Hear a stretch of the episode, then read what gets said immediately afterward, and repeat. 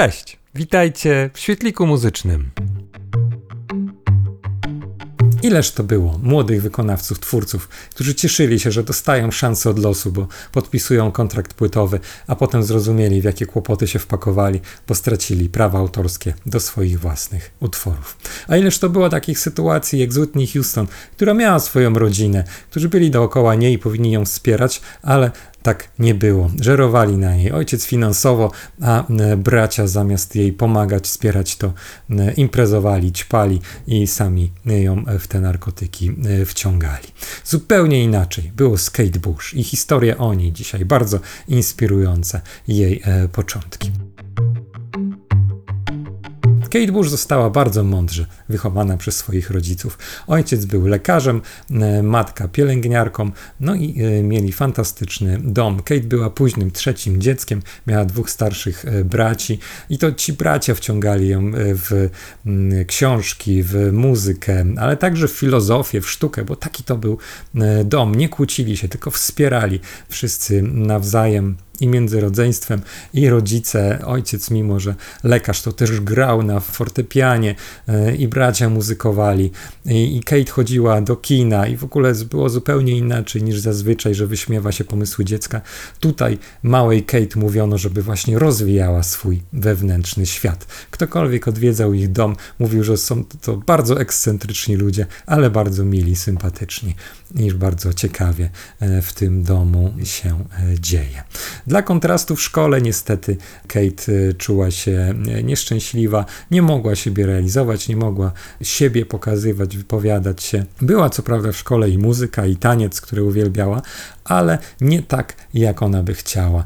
To znaczy, dziwiła się, że to jest tak technicznie e, surowo przedstawione, a przecież to właśnie była jej pasja, coś, co powinno mm, wypływać z serca, coś, co powinno coś znaczyć. Także e, w szkole nie za bardzo, w ogóle pokazywała siebie za to, właśnie w domu się mocno rozwijała, pisała wiersze, a E, później właśnie zasiadła do fortepianu. Ojciec wygrywał e, utwory Chopina i różne inne z muzyki klasycznej. Ona zaczęła coś tam brzdąkać, ojciec ją trochę poduczył, no i mała Kate zaczęła pisać własne utwory. Pierwsze własne kompozycje w wieku 13 e, lat zaczęła tworzyć i bardzo dużo ich powstawało. I tutaj rodzice szybko zrozumieli, z jakim talentem mają do czynienia.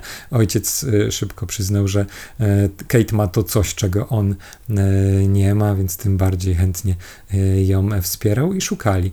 Mm, I znajomy znajomego okazał się, że jest to David Gilmour i z nim się skontaktowali. Mm, a był to rok 73, właśnie ten, w którym ukazała się płyta Dark Side of the Moon grupy Pink Floyd.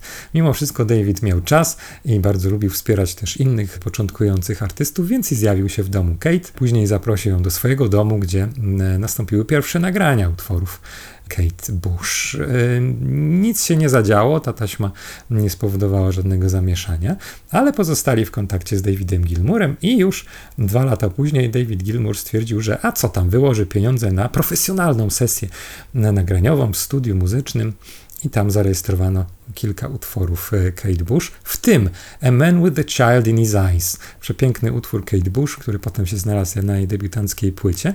Właśnie w tej wersji, tak ładnie został nagrany, i ta piosenka wreszcie przyciągnęła uwagę właściwych osób, w tym ważnego pana z e, wytwórni EMI, który nazywał się Bob Mercer. Pan Bob stwierdził, że e, jak najbardziej podpisuje kontrakt z Kate Bush, ale ona była nieletnia, więc usiadł sobie z jej tatą, pogadali sobie, no i stwierdzili, że e, jeszcze nie, że dadzą czas Kate na, na rozwój. I bardzo dobrze, i to jest w ogóle szok, że zarówno wytwórnia, jak i rodzice zgadzali się, żeby poczekać, a nie, że już, żeby już zarabiać kasę.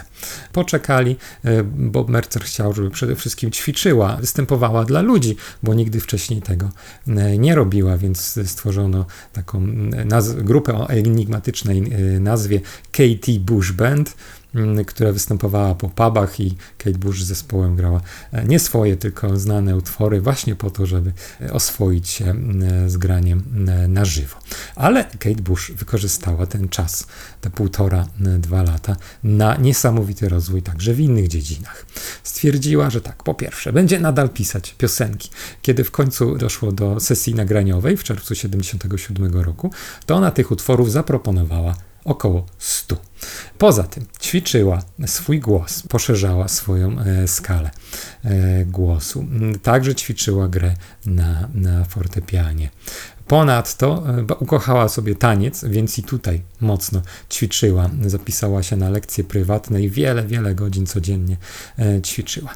I to jest rzecz, którą Kate Bush bardzo wyróżnia. Teraz jest normalne, że wokalistki tańcują w teledyskach i na koncertach. Wtedy nikt tego nie robił. To Kate Bush właśnie przecierała e, szlaki.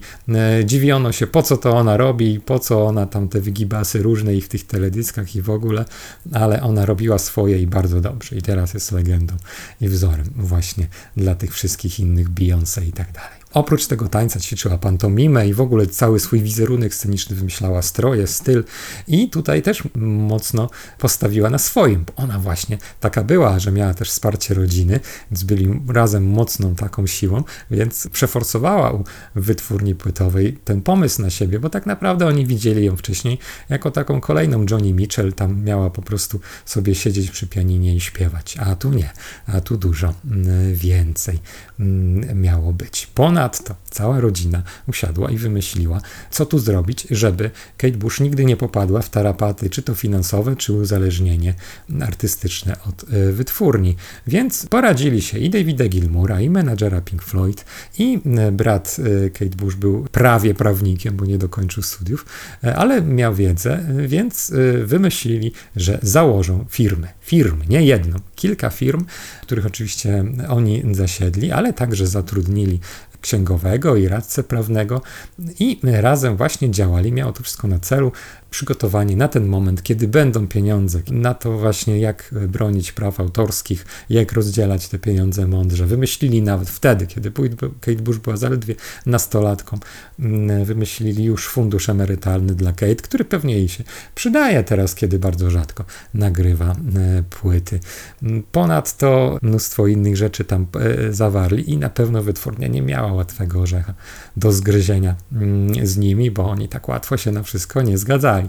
E, cokolwiek wytwórnia zaproponowała, mm, to oni długo dyskutowali, radzili się prawników i podejmowali decyzje, przy czym zawsze Kate miała głos decydujący. I tu fajnie też, że mm, nikt nie powiedział, jesteś jeszcze nieletnia, jeszcze nie wiesz, nie, nie jesteś niedoświadczona, to my za ciebie będziemy podejmować decyzje. Nie, rodzina wspierała, ale wiedziała, że to Kate jest y, tą artystką i ona ma podejmować e, decyzje. A ona dobrze wiedziała, e, co chce robić i forsowała kolejne pomysły swoje e, w wytwórni.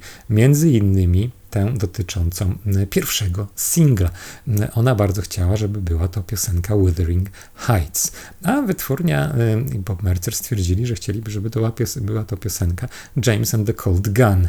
Porządna piosenka rockowa, dosyć dynamiczna, więc niby nadająca się na przebój, ale dosyć standardowa. Nie miała w sobie nic takiego, co by ją mocno wyróżniało, a Kate Bush zależało, żeby pokazać siebie inną, taką jaką jest, żeby to była też piosenka reprezentacyjna dla całej płyty.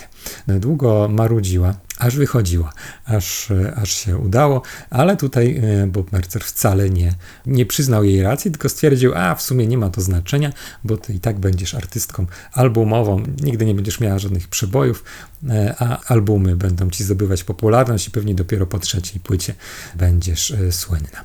Bardzo się mylił, Wuthering Heights było sporym przebojem, co ciekawe była to piosenka, która powstała tuż przed sesją nagraniową, mimo, mimo tych stu gotowych utworów kompozycji jeszcze Kate Bush napisała ten i to też y, specyficznie, bo właśnie ćwiczyła ten głos swój i y, napisała ten utwór na, y, na taki głos bardzo wysoko śpiewany, a więc nietypowo Właśnie to się sprawdziło.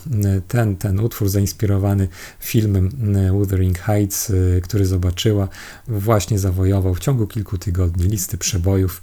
Potem to już tylko historia. Kolejne przeboje, wielkie płyty i z dnia na dzień, jak to Wuthering Heights trafiło na listę przebojów, stała się dziewczyną najchętniej fotografowaną w Wielkiej Brytanii. Będziemy wracać do historii Kate Bush, bo jest to bardzo inspirująca artystka. Tyle w tym podcaście. Zapraszam na kolejne. Zapraszam do świetlika muzycznego, przez który wpadają do Was wiadomości muzyczne, ciekawostki i anegdoty z historii muzyki. Marcin Świetlik-Olechnowski. Do usłyszenia.